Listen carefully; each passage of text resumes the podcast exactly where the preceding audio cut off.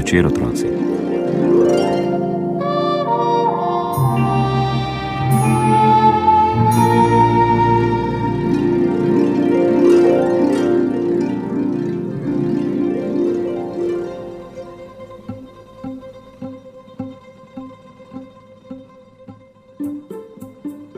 Paličnjak se tistega jutra ni mogel odločiti, ali bi odprl oči ali ne. Ne, rajši bom mižal. Ne bom odpiral oči, ne, ne bom. Če samo pomislim, kakšen dan je bil včeraj. Grozovito bljakast, fuj, fej, faj. Bolje, da ga sploh ne bi bilo. Mrzel, siv, deževen, ni in ni ga hotelo biti konec. In kako bo danes? Vremenarka Šoja je napovedala, da bo deževalo. Samo to in konec. Torej, nima smisla odpirati oči. Nima smisla, da sem že na vse zgodaj zjutraj slabe volje. Če mi žim, ne vidim.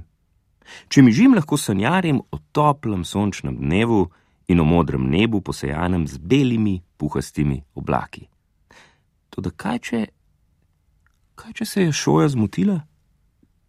Kolikokrat se vremenari zmotijo in potem bi zamudil sončen dan, po pomoti, za manj. Ali naj vseeno odprem? Ne. Ja. Ne.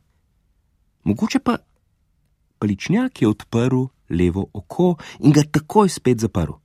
Dan je bil siv kot miši kožuh. Nikjer ni bilo niti odtenka kakšne druge barve, naprimer sinje modre ali nežno rumene. Ne, ni se splačalo gledati. Ali bo sploh še kdaj pomlad? Je otožno zamrmral, preložil glavo z desne na levo tipalko in zaspal. Pa ni spal dolgo, ker ga je zbudil von. Bil je tak kiselkast, tak trohnoben, bilo je res smrdljivo. Kot bi vonjal gnilo listje, ali gnile trave, ali svojo slabo voljo, ali svoj lastni strah. Medtem ko je vohljal s tipalkami po zraku in ugotavljal, odkot smrad prihaja, se je zgrozo spomnil, kako se je nekemu paličnjaku nekoč zgodilo, da je prevzel von iz okolice. Ker paličnjaki niso le bitja, ki znajo oponašati gibanje listja v vetru, ampak se lahko navzamejo tudi vonjav iz okolice in, in začnejo smrdeti. Kot tole tukaj, tole, tole, karkoli že je, strahovito smrdi. Zdaj je bil povsem buden. Njegove oči so široko odprte bolščale v sivi dan in oprezale po okolici. Smrad je bil vedno hujši, vedno bliže je prihajal. Zobčke je naredil luknjico v praprotni list, na katerem je bivakiral, tako je imel odličen razgled nad dogajanjem pod seboj. In takrat je 300 kosmatih gosenic zagledal celo mravlišče mravelj. In korakale so naravnost proti njemu. Mrzlično je začel razmišljati, kaj mu je storiti. Ah, lahko bi padel z lista na tla in hlinil smrt. To včasih pomaga, ampak armade mravelj to že ne bo ustavilo, preveč jih je, pomendrale me bodo. In potem mi ne bo treba več hliniti smrti, ker bom čisto za res mrtev. Lahko pa bi, lahko bi odvrgel nogi. To naredijo paličnjaki, ko je za res hudo in ni drugega izhoda. In zdaj, zdaj, zdaj ni drugega izhoda. Tri, štiri, zdaj. Paličnjak je pogumno odvrgel zadnji nogi in se pognal v beg. Tekel je in tekel, kar so ga nesle preostale štiri noge. Odvrženi nogi sta res zaustavili armado mravelj. Pet sekund so potrebovali, da so ju pohrustale, in potem še pet, da so nogi prebavile. Spahovalo se jim je, da se je zemlja tresla in je odmevalo po vsem gozdu. Paličnjaku se je medtem uspelo umakniti na varno. Povspel se je na bukovo drevo in se ozrl proti nebu. Zdaj je bil precej nad tlemi, mravlje so se od tod zdele majcene in nepomembne. In tudi tisti vonj je izginil. Dan pa je bil še vedno mišje siv.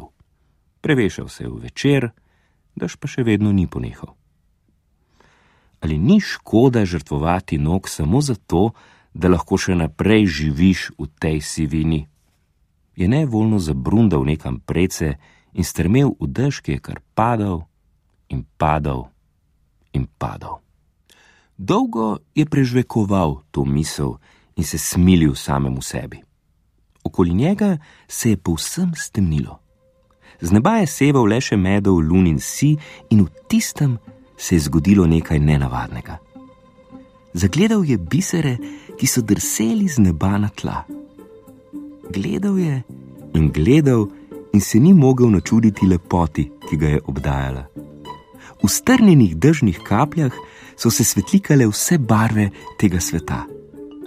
Prelivale so se ena v drugo, bela v rdečo, modra v rumeno in zeleno in roza, siva v vijoličasto in oranžno, in črno in zlato in srebrno, in bilo je, kot bi z neba kapljale barve.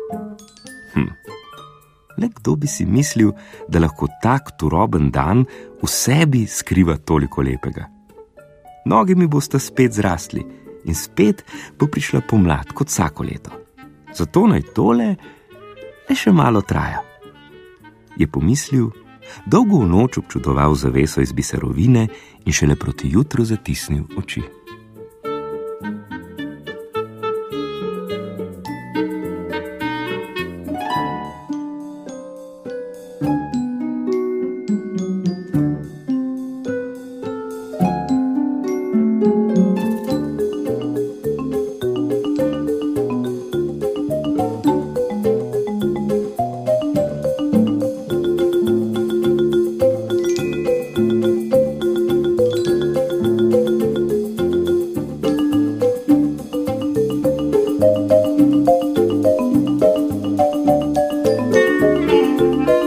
Música